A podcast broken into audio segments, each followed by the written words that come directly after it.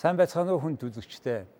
Өнөөдөр манай дефакто мэтгэлцээ нэвтрүүлэг эхэлж байна. 19 оны 4 сарын 24-нд зээлийн хүүг хуулиар хязгаарлах нь зөв үү? За зээлийн хүүг хуулиар хязгаарлах нь зөв. Үгүй гэсэн сэдвээр зээлийн хүүгийн хязгаарлах болон мөнгө хүлээлттэй тэмцэх тухай хуулийн төслийг их хурл хилцэх гэж байгаатай холбогдуулан явуулж байна. Энд зээлийн хүү дээд хязгаар буюу таазыг тогтоосноор иргэдийн өдөр тутмын амьдралд нөлөөлнө. Үйлчлүүлж байгаа банк болон банк бус санхүүгийн байгууллагуудад хадгаламж зээлийн хоршоо, ломбард зэрэг байгууллагуудад нөлөөлнө үйл ажиллагаанд нь. Тэгээ энэ тухай ингээд ярилцахаар энэ энэ хуулийг хязгаарлах нь зөв гэж миний баруун гар талд улсын хурлын гишүүн ардчилсан намын дарга Содном зундын Эрдэнэ хүрэлцэн ирээд байна. За товч танилцуулахад Отхон Тэнгэр их сургуульд хууль зүйн ухааны бакалавр магистр хийсэн. Удирдлагын академид удирдахын ухааны доктор цол хамгаалсан. 96 оноос нийслэлийн Баянгол дүүргийн засаг дарга буюу э, хийсэн энэ ажлыг 4-8 онд улсын нийгмийн даатгалын ерөнхий газрын дарга за түүнээс хойш иргэдийн энэ ардчилсан намын дарга улсын хурлын гишүүнээр 3 удаа сонгогдсон ийм эрхэм байна. За ингэж болохгүй гэж хэлж байгаа хүн бол зүүн гар тал ноён жигжидийн үнэн бат Монгол банкны холбооны гүйцэтгэх захирал Монголын банкны холбооны гүйцэтгэх захирал Москвад эдийн засгийн э, статистикийн дээд сургууль төгссөн Америкт Колумбийн их сургуульд мастер олон улсын эдийн засгийн харилцааны. Үндсэндээ Монгол банкнд ажилласан эдийн засгчаас эхлээд Монгол банкны ерөнхийлөгч байсан. Өнөөдөр банкны Монголын банкны гүйцэтгэх холбооны гүйцэтгэх захирал ажиллаж байгаа ийм хоёр ирхэн байна. За ингээд би юуны өмнө энэ тэр хоёр хууль ердөөсөө хоёрхан хуудас хууль байгаа. Хоёрхан хуудас их товчхон хууль. Гэтэ энэ хуулийн гол заалт нь болохоор энийг хязгаарланаа. Гэтэ хязгаар ямар хэмжээнд хязгаарлах вэ гэж банк зээлийн үйл ажиллагаа явуулах эрх бүхий хуулийн этгээдээс олгох зээлийн хүүгийн дээд хязгаарыг тогтооно гэж. За тогтоохдоо суур нь болохоор зөв Монгол банкны бодлогын хүүг авсан. За жижиг дунд үйлдвэрлэлийг дэмжсэн 100 сая хүртэлх төгрөгийн дүнтэй зээлийн дээд хязгаар нь жилийн 18%-аас хэтрэхгүй байна гэж.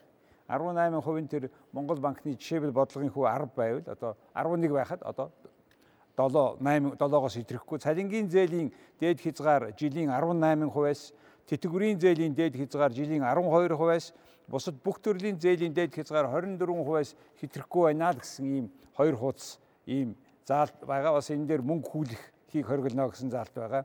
Зээлийн хүүг урдчилж авахгүй шимтгэл, зээл сунгасны шимтгэл, бэлэн мөнгө гаргасны шимтгэл, бусад ямарваа нэгэн төрлийн шимтгэл авахгүй гэсэн ийм товч агуулгатай хоёр хуудас ийм хуулийг энэ энэ улсын хурлын гишүүн Эрдэнэ санаачилж ажлын хэсэг ажиллаад одоо ийм хууль бэлэн болгосон байна. За та ингээд яагаад одоо ингэх ёстой юм бэ гэдгийг ярьж өгнө үү?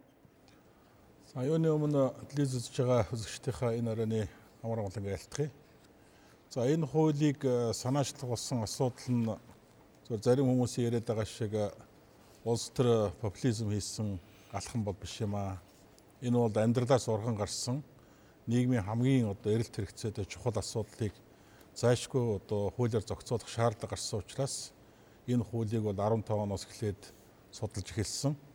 За 2 жил гаруй судалгаа хийсний үндсэн дээр 17 онд бол ажлын хэсгийг байгуулж одоо ажилласан. За энэ ажлын хэсгийг байгуулахдаа банк санхүүгийн чиглэлийн одоо өндөр мэрэгжлийн эрдэмтэн докторуудыг энэ одоо ажлын хэсэгт оруулж энэ ажлын одоо хуулийг боловсруулах ажлын хэсгийг байгуулж ажилласан. Тэгээд өнөөдөр энэ жишээ манай одоо эдийн засгийн ухааны хоёр доктор, дашцэг доктор, даадорч доктор ирсэн сууж байна.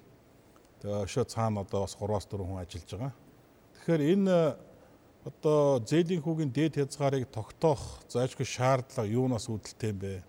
Өнөөдөр одоо 29 жил үндсэндээ 30 жил шахуу энэ зах зээлийн зарчмаар явна гэдэг нэг юм онолд одоо хамаг юм хүлэгдээд үндсэндээ бол банк санхүүгийн салбар маань ямар нэгэн төрлийн зохицуултгүйгээр одоо бидний хэлдгээр нөгөө зах зээлийнхаа зарчмаар явж ирлээ Өнөөдөр одоо миний мэдхээр 30 жил банк санхүүгийн салбарт ямар нэгэн зохицуултыг бол төрөөс ерөөс огт хийж байгаагүй. А мэдээсгөрөө Монгол банкны тухай хууль холбогдох банк санхүүгийн одоо үйл ажиллагаатай холбоотой хууль зүйн зохицуултууд бол хийгдчихсэн. Гэхдээ банкны зээлийн хүүг одоо ямар нэгэн одоо зохицуулт хууль зүйн актаар зохицуулж ирсэн зохицуулт бол хийгдээгүй гэдэг бол энд хэлхэн зүйтэй байна.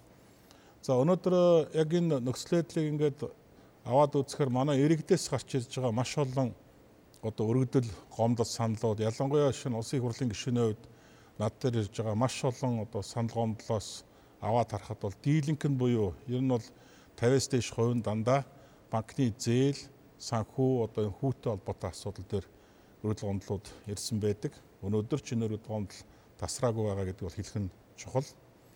Тэгэхээр энэ банкны энэ одоо өндөр хүү энэ одоо зээл зээлийн хүүгийн дарамтанд ороогүй хүн өнөөдөр Монгол улсад байхгүй байхгүй гэж хэлэхэд хэлсдэхгүй.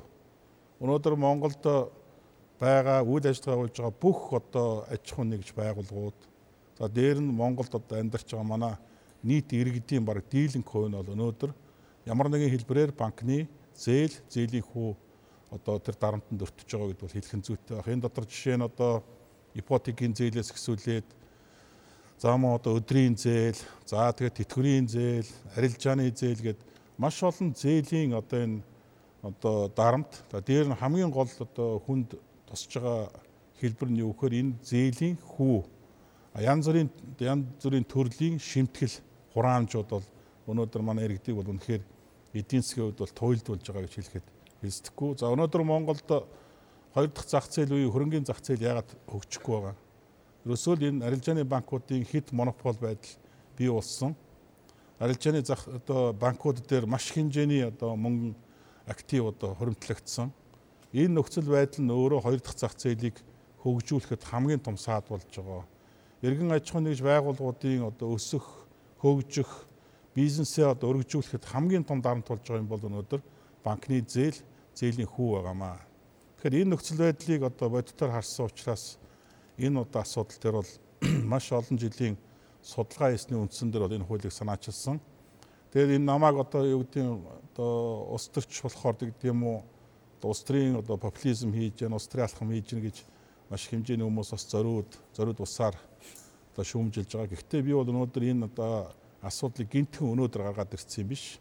15 оноос хойш энэ одоо хуулийн төслийг бол судалж гадаадын одоо өндөр хөгжилтэй улс орнуудын жишгийг одоо хандлага ямар байдгийг за манад өнөөдөр нь зохицуултгүй байгаа нөхцөл нь одоо ямар их усүртэй ингээд маш олон зүйл дээр бид судалгаа хийж үзсний үндсэн дээр өнөөдөр зүгээр энэ хуудсанд байгаа юм биш. Хоёр хон хуудас гол хэдэн одоо зохицуулт заалт бүхий энэ хуулийг бол хууль бол одоо олон хуудас байснараа сайн хууль байхгүй. Тэгэхээр энэ хуулийг бол маш товч өгөө тодорхой өнөөдөр энэ Монгол улстай хууль ажиллагаа болж байгаа аж ахуйн нэгж байгууллагууд нийт иргэдийн эрх ашигыг хамгаалсан тэдний эдийн засгийн боломжийг нээж өгсөн нэг үрлэл өнөөдөр зах зээлийн одоо хөгжлийг зам ёсоор явуулах тэр боломжийг нээх үүднээс бол энэ хуулийг бол санаачилсан гэдгийг бол энэ зориуд онцолж хэлье. За баярлалаа. За та ягаад энийг буруу За би эрдэнэ дарахтаа нэг зүйл дээр санал нэгдэж байгаа. Өөрөөр хэлбэл банкны зээлийн хүү өндөр гэдэг дээр бол эрдэнэ дарах гэсэн манай харилцагч гэсэн манай банкныхан өөрсдөө ч гэсэн өндөр гэж үзэж байгаа. Тэгээ гол нь тэр өндөр байгаа зээлийн хөөг яаж бууруулах, ямар аргаар бууруулах вэ гэдэг дээр л санал зөрөөд багш байна. За бидний хувьд бол тэр зээлийн хүнд нөлөөлж байгаа хүчин зүйлсүүдийн одоо цаадах бүрэлд бий бас нөхцөл байдлын хүчин зүйлсүүдийн одоо дээр нь одоо тодорхой зохицуулт гэдэг юм уу эсвэл тодорхой арга хэмжээ авах үүднээс тэр зах зээлийнх нь аргаар бууруулъя гэж ингэж үзэж байгаа. А Эрдэнэ дарга маань болохоор зэрэг энийг зүгээр таас тогтооё гэсэн ийм л хоёр аргаар зөрчилж зөрөөд байгаа. Тэм учраас энэ бол зээлийн хүү гэдэг дээр өндөр байгаа гэдэг дээр нэг арга нь өөр байгаа. Яагаад арга нь хуулиар ингэ хязгаарлах нь буруу юм бэ гэдэг дээр нэг тайлбар хэлхийг хүсэж байгаа юм л да. Энэ дээр нэг дөрвөн төрлийн одоо асуудал байна. Нэгдүгээрт э, хэрвээ зээлийн хүүн дээр хязгаар тавиад эхлэх юм бол тэр санхүүгийн хүртээмж багасах гэдэг. бид нар тэрэн дээр хамгийн санаа зовж байгаа. За Эрдэнэ дарга бит хоёр социалист нийгмийн үед бас бага насаа өнгөрөөсөн байх гэж ингэж бодож байна. Тэр үед улсаас үнийг тогтоодог байсан үе. За махан дээр, сүүн дээр хэмчлэн гэр. Тэн дээр юу ажиглаж гэсэн гэхээр зэрэг байнгын хомсдол, ойчир дараалал тэгээд зарим хүмүүс нь мах авч чаддаг байсан, сүү авч чаддаг байсан. А зах зээлийн нэгэн дэрснэр мэдээж хэрэг үнэ чөлөөтэй болонгууд тэр бараа таваар элбэг дэлбэг босоо. Тэрийг бол одоо бид нэр мартаж болохгүй. Хэрвээ бид нар энэ зээлийн хүн дээр одоо мөнгөний үнэн дээр хиймлэр хязгаарлалт тогтоох юм бол мөнгөний хүртээмж багаснаа. Жишээ нь За яг жишээ нь тэрийг дараа нь яриа л да. За яг хоёр дахь нь гэхээр зэрэг хэрвээ хүүн дээр хязгаарлалт тогтоох юм бол хүүгийн бос зардлууд нэмэгдэж магадгүй. Өөрөөр хэлбэл тэр хүүгийнхаа зардал тэтгэргүүл байж байгаа учраас тэрийг шингээ аргаавал санхүүгийн байгууллагууд гэдэг юм уу эсвэл одоо бизнес эрхлэгчид ялангуяа хадгаламж эзэмшигчд олноо л гэж ингэж үзэж байгаа. За 3 дугаарт бол энэ санхүүгийн доктортой байдалд бол одоо нэлээд хартай үр дагавар үзүүлэх байх гэж бодож байна. Хэрвээ зээлийн энэ хүүгийн хязгаар тавигдах энэ хууль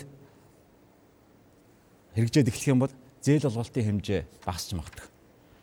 Тэгэхээр зээл олголтын хэмжээ багасхангууд нөгөө банкны ашигтай ажиллагаа, тэгээд актив өгөөж, тэгээ дунд бол урт хугацаанд банкугийн банк санхүүгийн байгууллагын одоо доктортой байл чанарын үзүүлэлтэнд сөргөөр нөлөөлөх ийм болцоо нэгдэдэг байгаа. Тэгээд дээр нь банкны өрсөлдөөн буураад эхлэх юм бол энэ болохоор зэрэг доктортой байдлын асуудалд бас доктортой байдал дээр нь нэлээд гадаадын хөрөнгө оруулалт ялангуяа нөгөө бид нар чинь мөнгө маань бас дотоод их усрээс бүрдгээс гадна бас гадаад их усрээр бүрдээд байгаа. А тэгэхээр гадаад их усрээр бүрдэнэ гэдэг маань бид нар гаднаас зээл авж байна. Гаднаас одоо долларын зээл авна шүү дээ. Долларын зээл аваад тэрийг одоо ханш арай тогтвортой байх нөхцөлд бол тэрийг баг баггүйтэй зээлэх болцсон бүрдээд байгаа байхгүй. Хэрвээ ханш яхан өөрчлөлтөд ирэх юм бол тэд нар чинь тэгээд хашныхаа эрсдлийг нэмэгдээл тэгээд өндөр хүүтэй болоо явчихчих. Тэгэнгүүт тэрэн дээр хязгаар тавиад эхлэх юм бол Оо эн чинь ерөөсөө энэ зах зээлээ байдаг юм байна. Энэ ус чи ерөөсөө мөнгө олоход одоо мөнгө зээлүүлэх эрсдэлтэй байна гэж үзэх юм бол тэр гадаадын хөрөнгө оруулалт нь байгаа. Тэр утгаараа бид нэр гадаадын хөрөнгө оруулалт тэгээд эдийн засгийн өсөлтөнд цаа дараагаараа нөлөөлчихөж байгаа байхгүй. Тийм учраас энэ нь бол энэ бол зөвхөн банкны асуудал биш юм аа ярина дарга. Энэ болохоор зэрэг манай улсын эдийн засгийн асуудал байна. Өсөлтийн цаашдаа доктортой байлны асуудал. Тийм учраас бид нэр энийг эсэргүүсэж байгаа.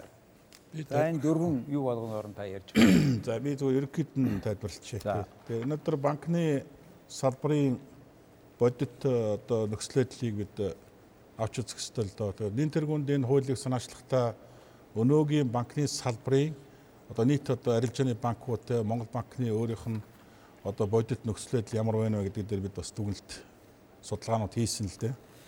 Тэгэхээр өнөөдөр манай банкныхны гол ярьж байгаа нэг чиглэл бол жишээ нөгөө эрэлт нийлүүлэлт гээд юм яриад байгаа зах зээлийн зохицуулалт гээд. Тэгээ одоо 30 орчим жил э, арилжааны банкуд банкны салбар яг энэ зарчмаар явлаа шүү дээ. Тэгээд нийлүүлэлт бол маш их өссөн. Одоо бараг 7 дахин өссөн тий. Одоо би зүгээр яг 90 оноос авч үзээгүй шүү. Би 10 оноос хойш 18 оны одоо 8 жилийн үзүүлэлтээр аваад харахад нийлүүлэлт бол одоо 7 дахин өссөн. Харамсалтай нь одоо нөгөө банкны зээлийн хүү маань яг нэг төвшөндөө 8 жил хадгалагдсан. Бид энд ганцхан жишээ дийлд одоо жишээ нь 10 2010 онд жишээ нь нийт хадгаламжийн хэмжээ 2 их 80 684 тэрбум 213 сая төгрөг байсан бол 2018 онд 13 их 80 75 тэрбум 824 сая төгрөг болж өссөн байгаа нийт активт одоо нийт одоо хуримтлал маань тийм. А гэтэл манай банкныхны яриад байгаагаар бол уг нь одоо энэ нийлүүлэлт ингээд хуримтлал нэмэгдэх хэмжээгээр банкны хүү буурах хэрэгтэй шүү дээ уг нь бол тийм. Эдний одоо зах зээлийн онлоор бол тийм.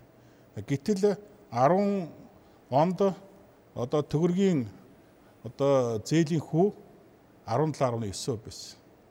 Гэтэл 19 оны 2 сарын байдлаар одоо 2 сарын өмнөх үзүүлэлтээр аваад харахад нийт одоо төгрөгийн зээлийн хүү маань 17.1 куб байгаа. үндсэндээ яг нэг төвшөнд байгаа байхгүй. Тэгэхээр энэ энэ нэг бол нийлүүлэлттэй зүйл хамаарч байна. Нэгдүгээр хоёрдугаар одоо зах зээлийн зарчмаар явж чадахгүй байна тий.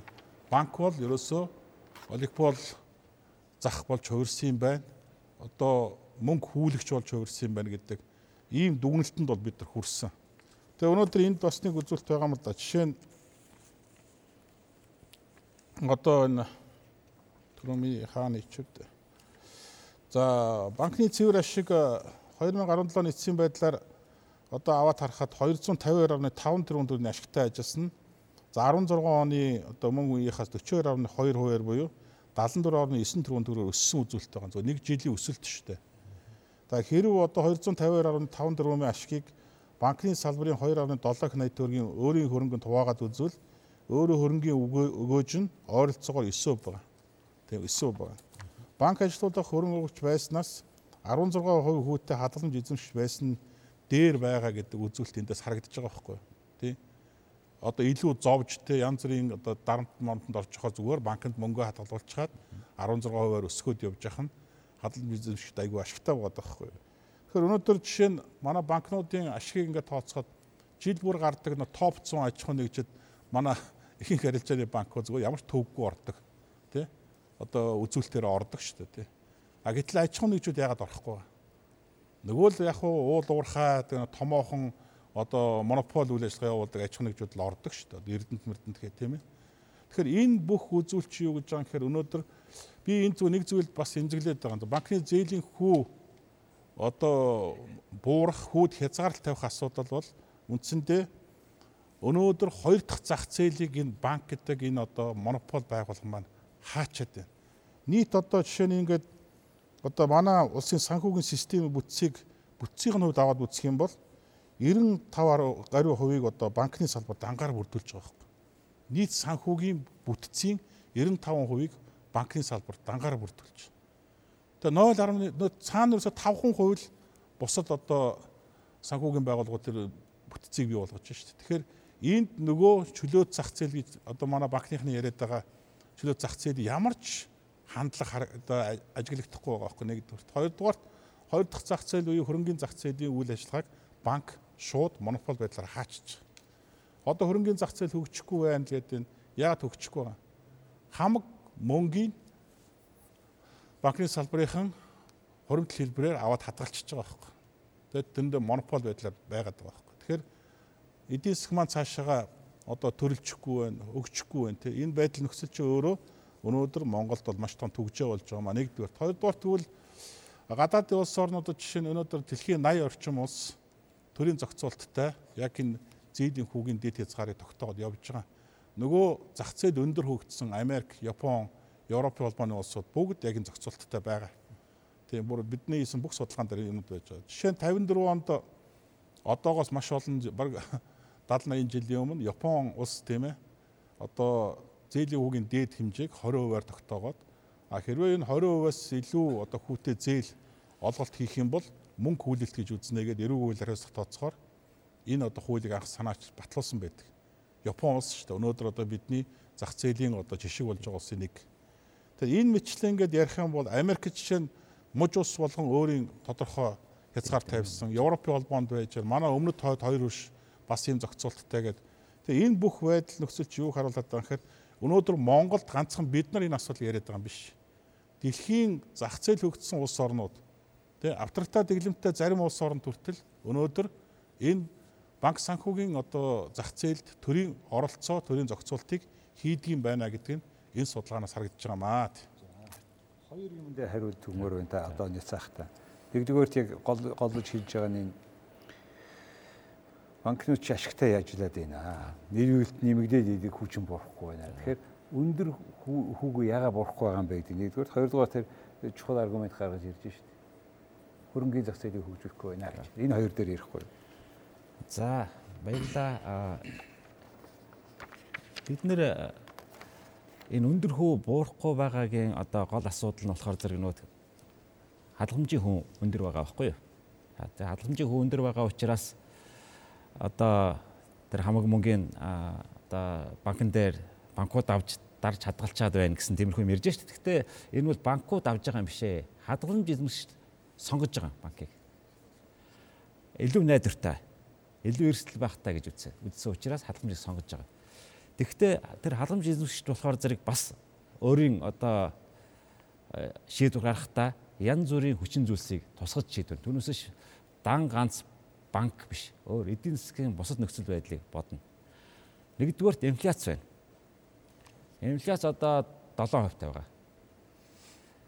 Тэд ямар ч хэлсэн инфляцаас баггүй өгөөж явахыг хүснэ. Инфляцаас баг өгөөж байх юм бол банкнд мөнгө хадгалахын утга учир байхгүй. За хоёрдугаарт тэр инфляц нь бас маш тогтворгүй байгаа. За дээр нь бол ханшийн хэлбэлзэл байгаа. Зарим үед жилд 20 хүрж байгаа. Тэгээд өнгөрсөн 5 жилийн дундчаар бол ойролцоогоор 12%-ийн ханшийн уналт байсан. Тэгэхээр зэрэг 12%-аас л дээш өгөөчтэй халамж төгрөгийн халамж байршуулж ээж л тэд маань одоо бас тэгээд дээр нь тэр хүнээсээ татвар төлдөг. Тэгэхээр зэрэг энэ бол хадамж эмчтийн сонголтоо тэдний бас зөв ухаалаг сонголт гэж ингэж үзэж байгаа. Хэрвээ ханш тодорхой хэмжээгээр өөрчлөгдөд унвал эсвэл одоо долларын ханш өсөөд унвал төгрөгийн ханш унаад унвал тэд төгрөгийн халамжийг доллар руу шилжүүлдэг. За дээр нь юу гэлээ? хөрөнгөний зах зээлийг хөрөнгөний зах гэж. За хөрөнгөний зах зээл хөрөнгөний зах зээлийг харин хөгжүүлэхэд бид нэр хамгийн бодиттой хувь нөрийг банкуд оруулдаг. Банкудаас өөрсдийн за хөрөнгөний зах зээл, мөн даатгалын зах зээл гэдэг өөрсдийн бас нэг санхүүгийн зөвшөөрлийн үйл ажиллагааны хүрээнд мөн банкуд бас урд нь бол доороо байсан хотоо болгоно толгой компанийнхаа дэргэд бас нэг хөрөнгө зөөлчлэн гэдэг юм уу эсвэл одоо үнцээс гарахад тусалдаг ийм компаниуд ажиллаулдаг. Түүгээрээ бас хөрөнгөний зах зээлийн үйл ажиллагаанд бодиттой хэв нэмэр оруулдаг. Ягаад гэвэл тэр хөрөнгө босгож байгаа компаниуд нь манай банкуудын харилцагчид байдаг. А түүнээс биш одоо хэрэгцээ хөрөнгөний зах зээл дээр банкны хадгаламжийн хүүгээс илүү бас эрсдэл тулгуурласан бодиттой бүтээгдэхүүн гараад ирэх юм бол мэдээж хэрэг харилцагчид хадгаламж эзэмшигчдэд бас тэрэнд нь тодорхой боломж гаргаж игж байгаа гэсэн үг шүү дээ. За. За тэгэхээр одоо аргумент дотроос тэр хүү өндөр байгаад яагаад байгаа юм бэ гэдгээс юм гараад ирлээ л дээ. Инфляц чинь өндөр байна 7%. Ханш хэлбэлж байна. Жил 10. Энийг энэ таны тавьж байгаа саналууд яа тооцох юм юмуд энэ.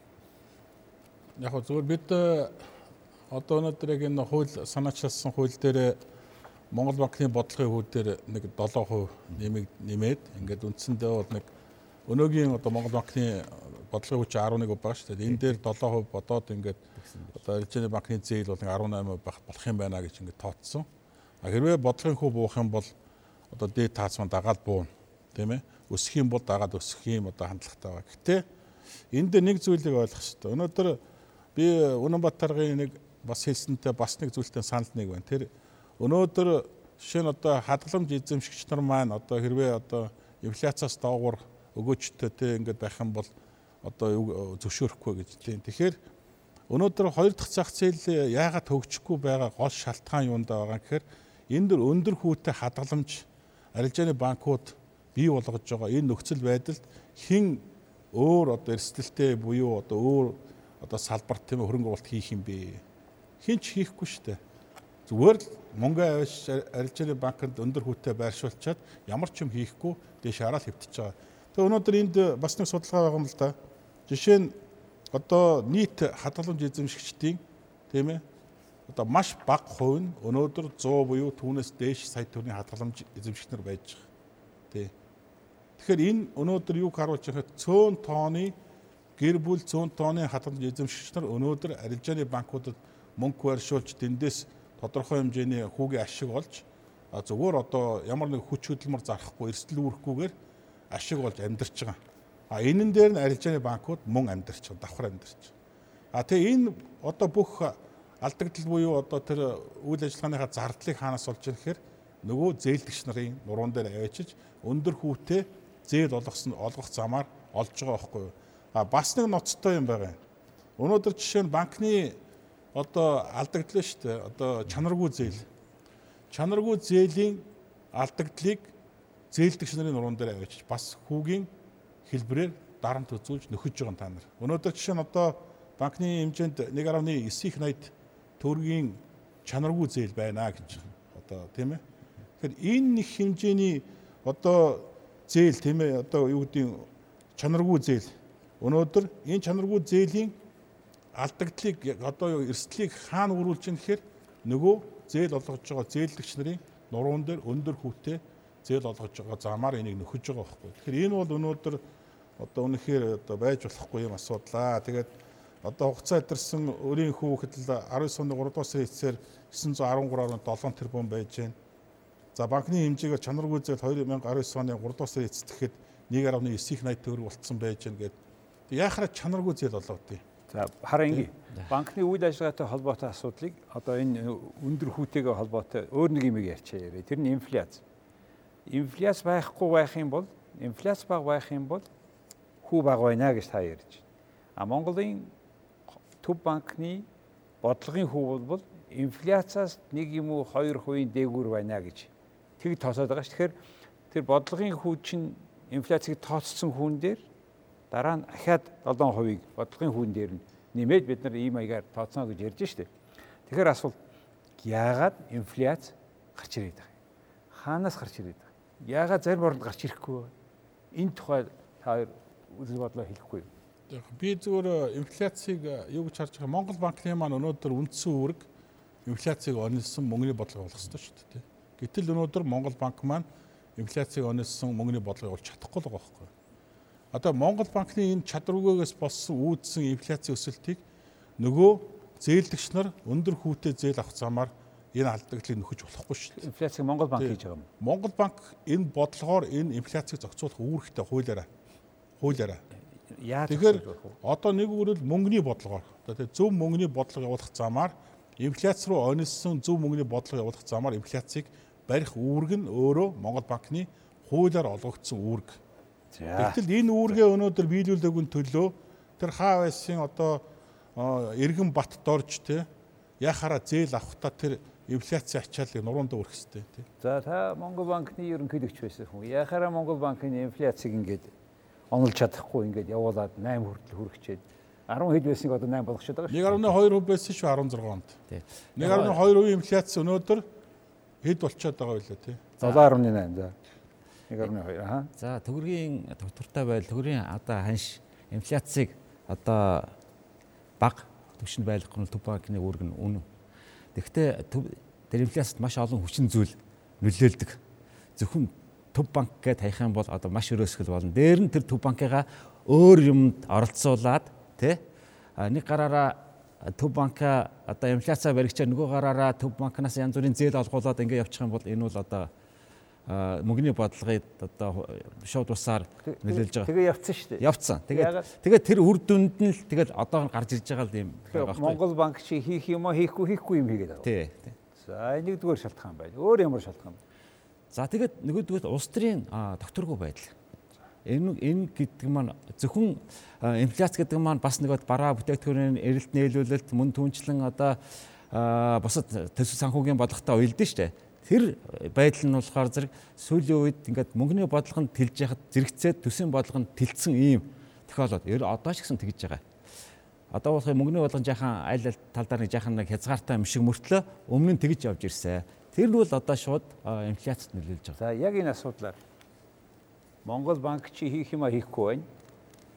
Хийх ёстой юм хийхгүй байна, хийхгүй ёстой юм хийж байна. Зээл гаргаад байна гэж. За хоёрдугаар улс төрийн тогтворгүй байдал хүмүүст буюу энэ төсвийн бодлого дээр өөрчлөлт санхүүгийн бодлого юунд төсвийн бодлого дээр чи өөрчлөлт хийгээд энэс болоод хүмүүс болгоомжлсноос болоод энэ инфляц нэмэгдэж байна гэж. Та энийг яаж харж байна? Тэгэхээр нэгдүгürt э, Монгол банк хийх ёстой ма хийхгүй хийхгүй ёстой ма хийж гэн гэдэгт би санал нэг байна. Өнөөдөр жишээ нь 2016 онд Монгол банкны шинэ ерөнхийлөгч ажлаа авангуутлаа. Жишээ нь одоо юу гэдгийг Монгол банкны валютын нөөц хасах байна гэж зарласан. Эннээс болоод 1960 төгрөгийн одоо төрөлтөд тэнцэжсэн долларын ханш оргил үедээ 2700 төгрөг өгсөн шүү дээ. Маяг худлаа ярьсан юм уу? Эсвэл Худлаа ирцэн. А яагаад гэвэл нөгөө swap хилцээрээ сунгах тэр боломж нөхцлөө зөв тооцоогүй. Зүгээр шууд хятад төлөх тэр одоо юаны тэ зээлийг тэр одоо тэр доороо төлнө гэж ойлгоод тэгтэл тэр чинь хилцээрээр хугацааг сунгах бүрэн боломж янз бүрийн боломжууд байсныг эс тооцоод шууд хасах гэж зарснаас болоод яасан валютын ханш 2700 хүртэл цойсон шүү дээ. Эндээс маш олон банк, маш олон аж ахуй нэгж иргэн одоо алдагдaltaд тэр нөгөө ханшны алдагдал хүлээсэн. Энийг хин ч хариуцлага хүлээгээгүй. тэгээ буугаагүй гэж хэлж байна тий. За эргээд буухтаа өнөөдөр 2630 төгрөг байгаа тий. Одоо би 30 минут 40 байна уу тий. Гэтэл ерөөсө даалхан төгрөгөөр буусан байгаа байхгүй юу. Тий. Тэгэхээр энэ одоо шин долларын ханшны алдагдлыг хэн хариуцах юм? Хин ч өнөөдөр энд хариуцлага хүлээгээгүй. Хариуцлагагүй мэдээлэл хийсэн Монгол банкны ерөнхийлөгч чинь хариуцлага хүлээгээгүй. А тухайн үеийн одоо улсын их хурлын олон голсон одоо наамчин тал дээр хариуцлага тооцоогүй тийм. Хоёрдугаарт хоёрдугаар та хаа. Улс төрийн тогтворгүй байдал гэдэгтээ би яг хуу нэг талаасаа санал нийлж байгаа боловч нөгөө талаасаа би өнөөгийн эрх баригчдад бол би үнэхээр шүүмжлэлт хандж. Монголын ард түмэн өнөөдөр өнөөгийн эрх баригч Монгол ардын намд хангалттай тогтвортой байх хэмжээний ихтгэл суудлыг өгсөн. Бас томоохон зээл үлдээсэн. Өр 76 одоо суудлын 65 суудлыг одоо өнөөдөр Монгол ардын намд өгсөн те. Энэ бол одоо энээс илүү яаж тогтвортой байх юм? Нэг нам дангаараа 65 суудал буюу үндсэн хуульд дангаараа өөрчлөлт оруулах хэмжээний ийм их одоо өндөр одоо эрх мэдлийг аавна гэдэг бол энэ бол улс төрийн тогтвортойгоос тогтвортой байх нөхцөлийг ард түмэн бол эрх баригчдад өгсөн. А энэ итгэлийг өнөөдөр хүртэл биелүүлж чадахгүй дотроо санд суудлаа булаацалтаа зодтолтод байж байгаа шүү дээ. За энд та бас сая өөр гэж ярьлаа л да. За үндсэндээ бол 2012-оос 16 онд Үнэн Батарга мэдж байгаа. Нийтдээ Чингис бондын 1.5 тэрбум доллар, Самурай бондны 600 сая доллар ингээд нийтдээ 2.1 тэрбум доллартай тэнцэх хэмжээний бонд босгож хөрөнгө оруулалт бүтээн байгуулалт ажил хийсэн. За энийг бол одоо бараг өрөнд баригдлаа өтөнд хэдүүлээ гэж баахан сурчилгаа явуулсан тийм үү. Гэтэл одоо өнөөдрийн байдлаар одоо 16-аас 20 онд тийм ээ өнөөгийн эрх баригчдын авсан бонд болон зээл нийлээд нийлээ тийм үү 5 тэрбум орчим доллартай тэнцэх хэмжээний бонд зээл босгочод байгаа. А гэтэл 2012-аас 16 онд тэр 2.1 тэрбум доллартай тэнцэх хэмжээний хөрөнгөөр ямар хэмжээний ажил хийлээ? 3000 гаруй километр хатуучилтаа зам тавьсан. 80 гаруй мянган айлаа орон сууц барьсан. 1080 төсөлд зээл олгосон гэд үр дүн нүдэн дээр харагдахаар нийслэл яаж нүрээ угаасан өгч өөрчлөгдлөө тий аймгийн төвд яаж өөрчлөгдлөө а тэгвэл энэ 3 жил өнөөдөр Монгол ардын нам буюу энэ эрх баригч нам өнөөдөр яг энэ 5 тэрбум доллар энэ их мөнгөөр юу хийвэ? Ямар бүтээн байгуулалт хийвэ? Одоо яг ийм юм хийчлээ гэж хинт харуулж чадах уу? 16 онд дэвшүүлсэн мөрийн хөтөлбөрөөс өнөөдөр нэг ч зүйл зал хэрэгжээгүй 3 жил боллоо. За ийм маягаар улс танаас одоо таны саналыг авчаад би та бүхэнд асуух боломж өгнө.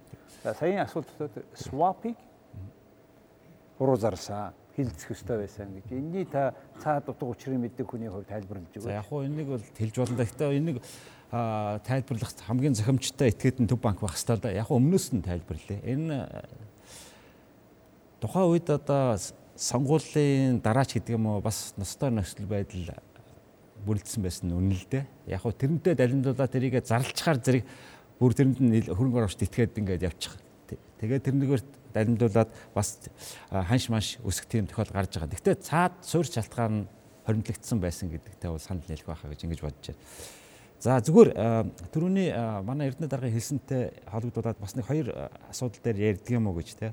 Нэгдүгээрт тэр чанаргүй зээл олгоо тэр нь зээлийн хүн дээр нэмэгдээд гэдэг тийм мэдээж зээлийн эрсдлийн сан гэдэг юм чинь бас зээлийн хүн дээр бас зайшгүй орж явна л да. Тэгэхдээ хамгийн гол нь чанаргүй зээлийг бид нэр банкны хувь нийлүүлэгчид хариуцж байгаа юм.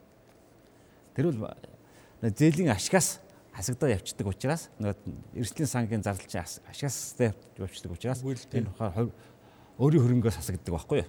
Уг хасагдахгүй байдаг л баг. За. Нэг тийм бай. Зээлийн хүүн дээр хүүг өндөр тогтоох замаар та нар бол алдагдлаа нөхөж байгаа шүү.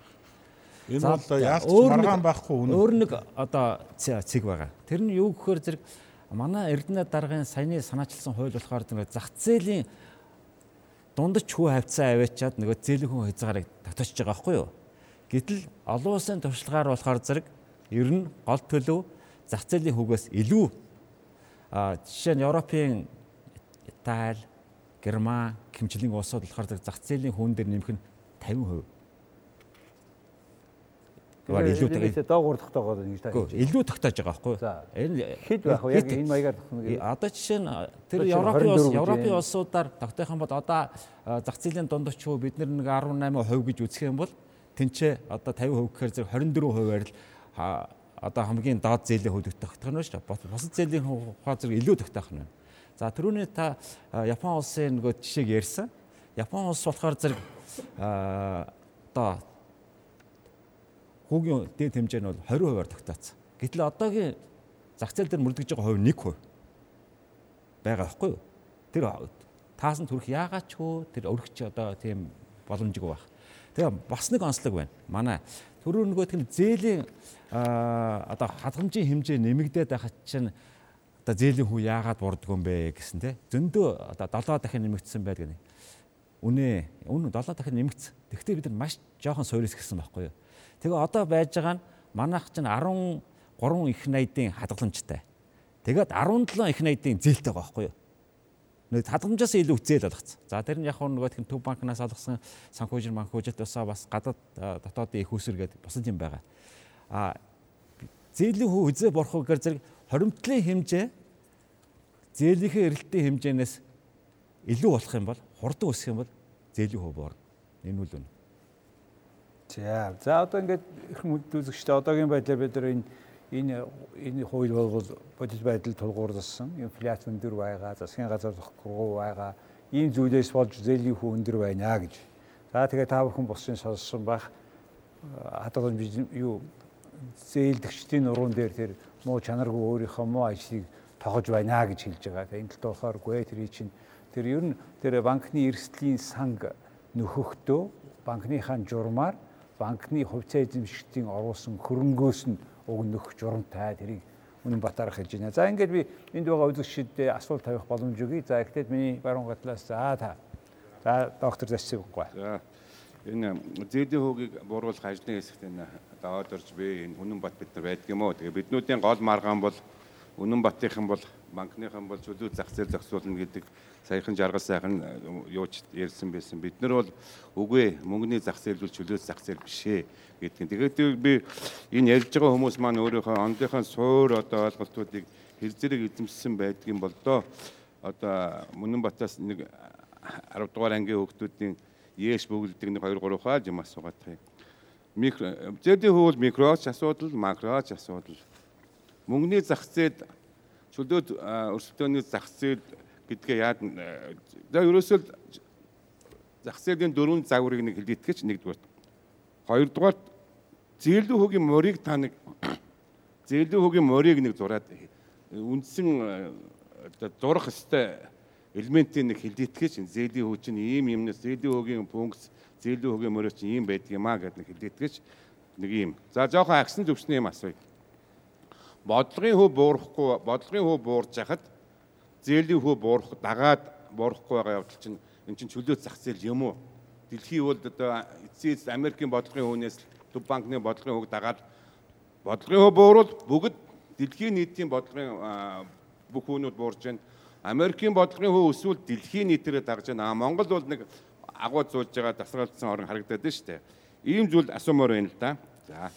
Зээлийн мөрийг ямар үзүүлэлтээр хэмждэг юм? Тий. За яа ингэ таны мэдхүйн шинжтэй чанарыг бид нар ярьж амжихгүй. Зүгээр танд гол асуулт. За тэр зээлийн хүү Америкт буураад байдаг. Банкны хүү буурд.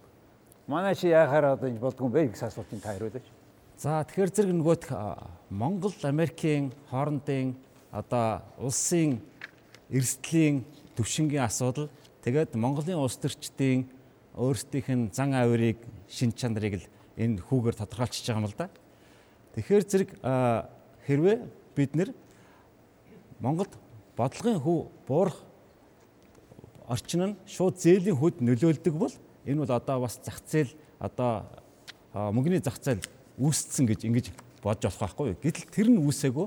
Ягаад үүсээгүй вэ гэхээр зэрэг нөгөө хоримтлал нь хоримтлал нь одоо хомс байна гэсэн үг. Хоримтлал хомс. Ер нь улс орон даяараа бид бага мөнгөтэй байна гэж. Бага мөнгөтэй зээлийнхээ эрэлтээс бага мөнгөтэй байгаа байхгүй. Бид нар их мөнгөтэй байна гэж яриад байгаа мөртлөө тийм биш. За. За жишээ нь Японд гэхэд за манай улсын нийт одоо хадгалан хэмжээ хэмжээ 13 их 80 гэсэн энэ болохоор зэрэг дотоодын бүтээгдэхүүний одоо нэг 40 хэдэн хувь байгаа. Гэтэл нөгөөх нь өндөр одоо хоримтлалтай тэгээд зээлийн хөө багтаа улсуудынх болохоор зэрэг дотоодын нийт бүтээгдэхүүнээс давсан байгаа байхгүй юу? Тэгэхээр зэрэг тэр одоо нөхцөл байдал нь зээлийн хүмүүд очиж нөлөөлөд байгаа маа. Дээр нь одоо Америк Монголын одоо улс төрийн орчны ялгаатай байдал За ойлголоо. За танайхаас ямар асуу.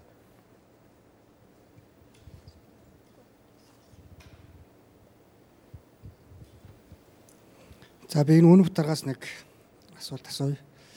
Энэ та зах зээлийн зээлийн хүүд зах зээлийн жамаараа буурах боломжтой гэж хэлээд байгаа.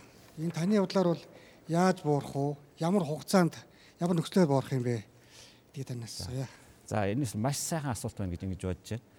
За бид нар биштэй улс орондоо эдийн засаг санхүүгийн одоо тогтвортой байдлыг урт хугацаанд байлгамаар байгаамаа. Энэ бол бидний одоо ингээд 4 жилийн хугацаагаар сонгуул явагддаг энэ мөчлөгөөс илүү урт хугацаанд доктортой байлгасан. Нэгдүгээрт инфляци нам доор төвшөнд олон жил. Түүнээс шингээл нэг жил буурангуудаа заа болчлоо гэдэг ингэхгүй. Дээр нь ханшаа доктортой. Ханшаа аль болохоор тэр хэлбэрзлийг багасгах хэрэгтэй. Тэгжээч бид нэр одоо зээлийн хөө буурах тэр нөхцөл байдалд нь нөлөөлөх хэрэгтэй. Тэр нь одоо жилээр бол хэлж болохгүй юм байна ямар ч байсан. Хамгийн гол нь энэ доктортой байдлыг л урт хугацаанд мөрдөх хэрэгжүүлэх өөргөн манай улс төрчид байгаа. Тэрийг хэрэгжүүлж чадахгүй тэгээд дандаа сонгуулийн мөчлөгөөр одоо далимдуулаад бие бинийг ингэж одоо яадаг үүсгдэг. Энэ байдал чинь хохирлыг бол одоо бид нар амсчаад зээлдэгч амсаад байна гэсэн. За та саяын э, асуулттай холбогдуулаад ийм нэг юм гарч ийн л да ер нь та яаж харж байгаа юм одоо ингээд хязгаарлалчлаа хизээ хавцаа үр дүн өгж эхлэх вэ гэж харж байгаа болоо танай ажлын групп эрдэнэтэд судалсан гэсэн хизээ энэ хавцаа ямар үр өгөөж өгөх вэ гэж бодож байна. Ер нь зөвхөн өнөөдөр энэ хууль батлагдаад хууль хэрэгж хугацаа гэж байна шүү дээ тийм. Одоо хууль хэрэгж хугацаа заагдаад энэ хууль хэрэгжээд ихэлсэн даруйд энэ үр дүн бол өгч эхэлнэ. Яагаад гэвэл өнөөдөр мөнгөний нийлүүлэлт мөнгөний зах зээл дээр чинь тэр ямар нэгэн тийм удаан хугацааны үйл хөдлөлт шаарддаг асуудал биш шүү дээ. Чи өөрөө банк, банк банкны салбар, банк санхүү мөн одоо зээл олгогчтой арилжааны банкуд зээлдэгч одоо иргэд аж ахуйн нэг гэжгээд ингээд маш тодорхой харилцагчдын хооронд л харилцааны асуудал баггүй? А энийг хязгаарлаад хэлбэл долларын баг байгаа шүү дээ 12 7 8 байна уу тий. Тэгэхээр хүмүүс бүгдээр төгөргөө тэр нөгөө мөнгөтэй хүмүүс байна гэж ярьж шүү тийм ээ. Бид хууль хууль зүгээр хууль журмаар олсон бол тэр хүмүүс бол бид нар баян хүмүүстэй юм байна тийм ээ ашгүй. Хууль бусаар орсон бол тэр өөр асуудал.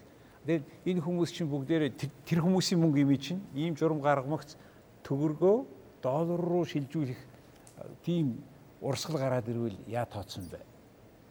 За ерөн зүгээр нийт хадгаламж эзэмшигчдийн одоо 80%-ийг тий 80%-ийг ердөө хадгаламж эзэмшигчдийн 3 хүрэхгүй хувийг эзэмшиж байгаа. Өнөөдөр Тэгэхээр энэ нь одоо 100 саяас дээш төгрөгийн хадгаламжтай 8217 иргэн. За 1885 хууль итгэхэд байгаа юм. Тэгэд өөрөөр хэлбэл 100 саяас дээш хадгаламжтай иргэн нийт данс эзэмшигчдийн 0.15%-ийг л одоо эзэлж байгаа. Тэгэхээр энэ хууль батлагдах юм бол ерөөсөө 0.100-ы одоо 15%-ийг эзэлж байгаа энэ хадгалан эзэмшигчдийн л одоо асуудал дээр яг хуу одоо асуудал проблем үүснэ. Эдгээр чи тэр том мөнгө байх уу. Ер нь зүгээр өнөөдөр мөнгө хөдөлгөж болно. Гэхдээ энд бид нар эрсдлийг тооцоогүй ш тооцсон. За өнөөдөр жишээ манай Үнэнбаатарга яриад байгаа шиг бүх юма доллар болгоод долларын ханш өсөө явчихна эдгээр гэдэг юм яриад байгаа шиг ба. Тэгэхээр бид өнөөдөр энд нөгөө за сөрөг талаа ингээд янз бүрийн хэлбэрээр ярьж болно л да. Эерэг талыг би юу гэж харж байгаа гэхээр Өнөөдөр хадгаламжийн хүү буугаад ирэх юм бол тэр одоо хадгаламж эзэнсгч маань өөр өөрт ашигтай өөр одоо юу гэдгийг зах зээлийг эрэлхийлж эхлэн шүү дээ. Нэг үрлэл одоо хөрөнгөний зах зээл рүү ордох юм уу? Өшөө одоо барилгын салбар, хөдөө аж ахуйн салбар тий бүтээн байгуулалтын салбар руу тэр их мөнгөө оруулах одоо сонирхол нь одоо юу гэдгийг бий болж эхэлнэ. Өнөөдөр нөгөө зүгээр сууж хагаад олж исэн дэр өндөр ашиг нь байхгүй болчоор хүн чинь тэгвэл дахиад өөр боломж бололцоог эрэлхийлж эхэлнэ шүү дээ. А би бол шууд доллар болгоо явуучих би юус ойлгохгүй. Ягаад гэвэл доллар болгооч доллар чинь мөн хүү адилхан үйлчлэн шүү дээ тий. Тэгэхээр энэ дээр юу хэлэх гээд байгаа гэхээр нөгөө өнөөдрийн Монгол улсад хөрөнгө оруулалт те дотоодын хөрөнгө оруулалт ерөөсө бараг 0 зөвлөлттэй байна. Тэ дотоодын хөрөнгө оруулалт. А дотоодын хөрөнгө оруулалт 100% хаана үйлчилж байгаа вэхээр банкны салбар дээр үйлчилж байгаа. За тэгэхээр ингээд тэр өдөөсөө 1% тий 0.15%. 0.115. 0.115. Гэхдээ энэ 0.115 чинь банкны хадгаламжийн хэдэн хувийг эзэмшиж байгаа? 80%. За Монгол улсын бүх банкны бүх хадгаламжийн 80%-ийг нэг хэсэг этгээд эзэмшдэг юм байна тий. За. Тэгээ тэр хүмүүсийн эхний сонголт нь доллар болохгүй эсвэл дараагийн сонголт нь хөрөнгө оруулалт болохгүй энэ талаар та өөрийнхөө дүгнэлтийг хийж өгөөч. За нэг яг үнэлэг дээр тэр хадгаламж эзэмшигчдийн аа одоо яг юу хийхээр ямар үйлдэл хийх нь бол би сайн мэдэхгүй л дээ бид нар бүгдээрээ мэдэхгүй. Тэгэхдээ тэр хүмүүс бол одоо хамгийн ухаантай усуд байх гэж бодож байгаа. Аа тэр хүмүүс Монголын банкны системийн тэр ихэнх хувийн хадгаламжийг эзэмшиж байгаагаараа маш том хөрөнгө оруулалт хийж байгаа.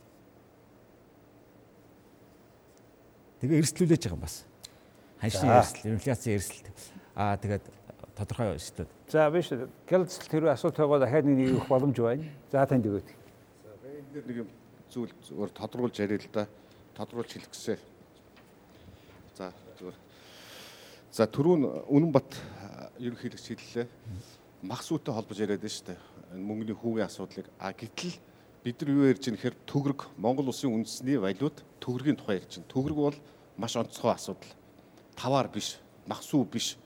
Махсууг одоо юу гэдэг хичнээн мянган хүн үйлдвэрлэж яадаг тийм ээ. А яг энэ дээр хэрвээ бид нар махсууны асуудлыг үнийг хоёр хуудас цаасаар зохицуулна гэдээ ороод ирвэл ёстой хүн болгоны инээт хүрнэ. А гэтэл эн чинь мөнгө гэдэг хэрэгсэл.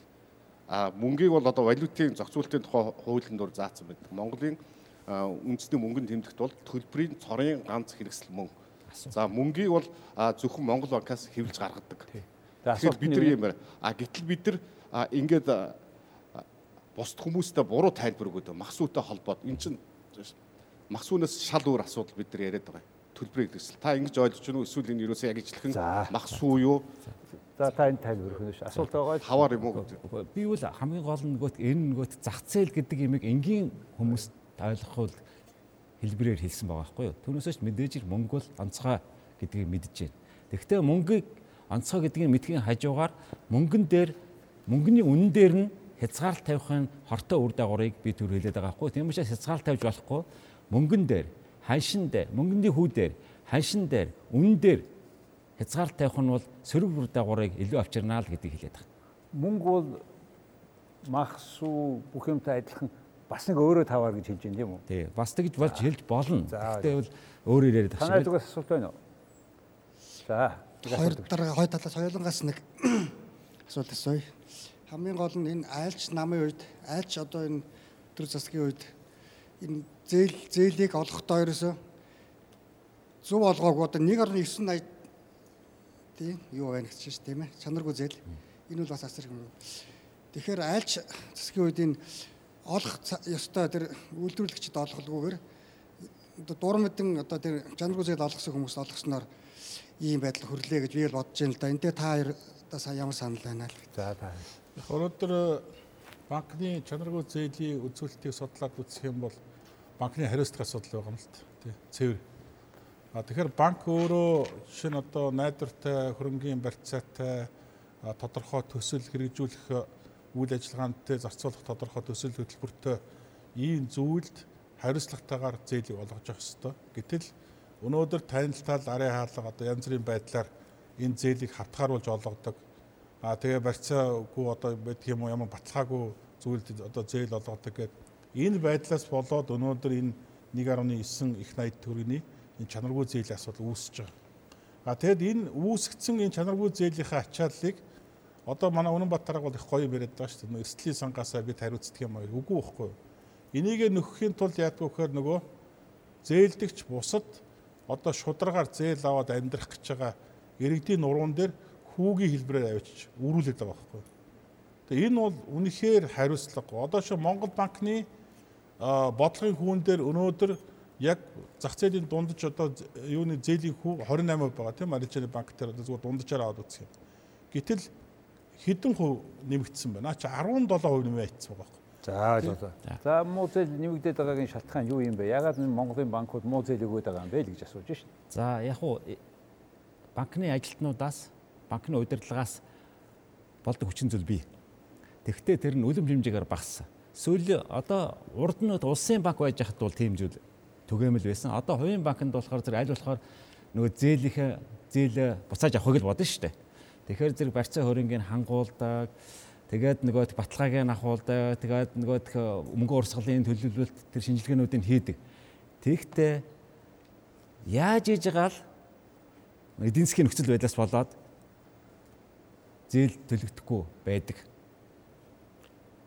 Одоо ч байгаа, ирээдүйд ч байх болно. Тодорхой хэмжээ. Тэгэхээр тэрийнхээ чанаргүй зээлийн хэмжээг л бага болгох нь л бидний хувьд гол зорилго. За ингээд та хоёрт ингээд хааж үг хэлэх боломж өгье. 3 минут тус бүрдээ. Тэгээ бид одоо хугацаа болж байгаа учраас хаан за та одоо ингээд өөрийнхөө үзэл бодлыг саяын хилцүүлгийн үр дүнд ахиж баталгаажуулж хэлж өгнө?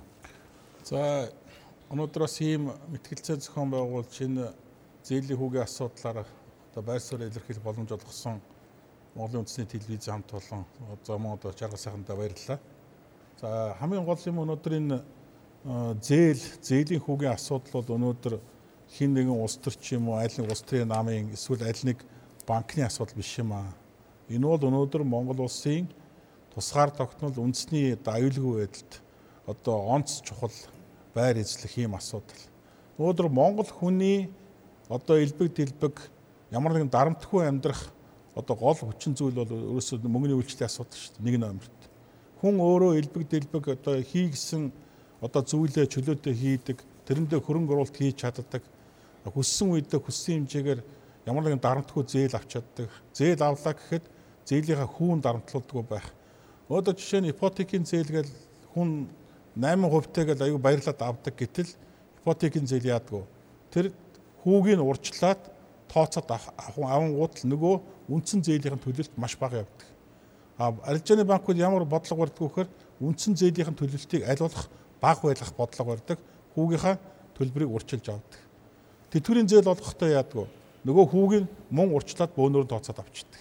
Тэгэнгүүт л нөгөө ахмад нөгөө одоо тэтгэврийн өгшин маань яадаг вөхөр хэрэглэгчээсэн хэрэглээнд нөгөө мөнгө нь хүрхээ байгаад дахиад нэмж зээл авах байдал нөхцөлд учирдаг.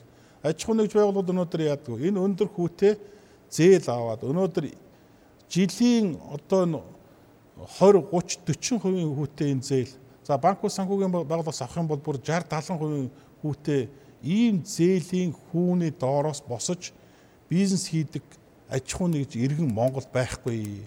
Энийг ойлгооч, бодит байдлыг ойлгооч.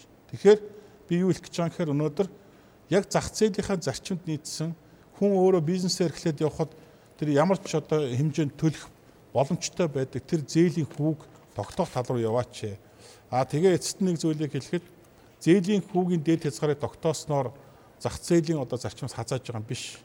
Өнөөдөр зах зээл өндөр хөгжсөн улс орнууд би түрүү хэллээ шүү дээ. Дэлхийн 80 орчим улс өнөөдөр энэ одоо зээлийн хүүгийн дээд хязгаарыг тогтоож мөнгө хөлтийн одоо хуулийг санаачилснаар өнөөдөр маш олон улс орон өнөөдөр банк санхүүгийн байгууллагын монопол байдлыг тодорхой хэмжээнд хязгаарлаж аж ахуй бизнес эрхлэж байгаа баялаг бүтээж байгаа иргэдийнхээ боломжийг төрөөс зохицуулт хийж хамгаалсан ийм бодлого явуулсан. Өнөөдөр ингэснээрээ сөрөг үр дагавар тухайн улс орнуудад гараагүй тий. Ийм нөхцөл байдал Монгол ч гэсэн гарахгүй гэдэгт би итгэлтэй байгаа. За баяр. За та. За. За энэ хууль гарснараа сагун хүртээмж буурах гээд байгаа. Тэрэн дээр л бидний сэтгэл хамгийн санаа зовж байгаа. Энэ нь болохоор банктай ямар ч холбоотой биш. банкны ашигт ажиллагаатай ч холбоотой биш. Энэ манай банкны харилцагчд буюу жирийн иргэдийн асуудал юм аа. Тийм учраас энийгээ одоо сайн бодолцооч ээ. Нэгдүгээрт жижиг дунд үйлдвэрийг дэмжсэн 100 сая хүртэл төгрөгийн дүнтэй жилийн 18%-аас дээш хувийн зээл өнөөдөр манад 33 мянган зээлдэгч байна. Дээр нь жилийн 18%-аас дээш хувийн хүүтэй цалингийн зээлтэй 137 мянган зээлдэгч байна. За жилийн 12%-аас дээш хувийн хүүтэй тэтгэврийн 192 мянган зээлдэгч манай банкны систем байна. Тэгээд жилийн 24%-аас дээш хувийн хүүтэй бүх төрлийн зээл тэр нь бол бага юм байл да.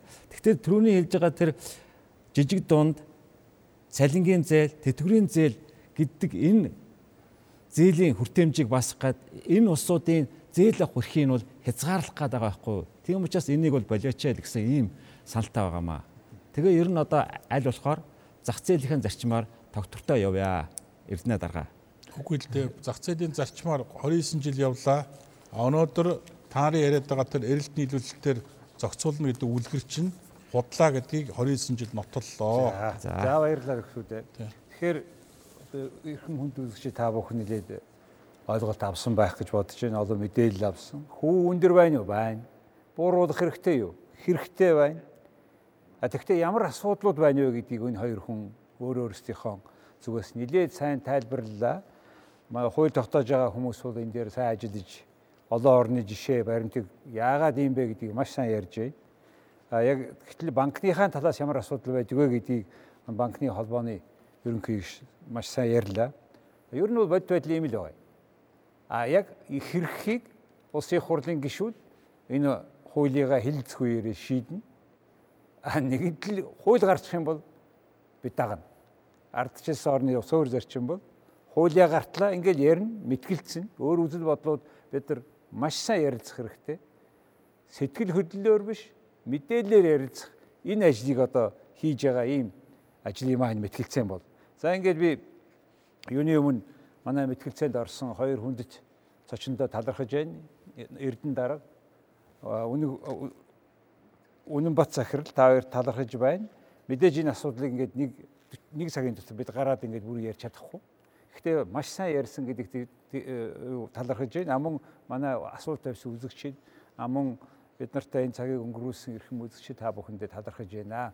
Их баярлалаа. Манай дараагийн мэтгэлцээ 2-7 хоногийн дараа болно. Сайхан амраарай.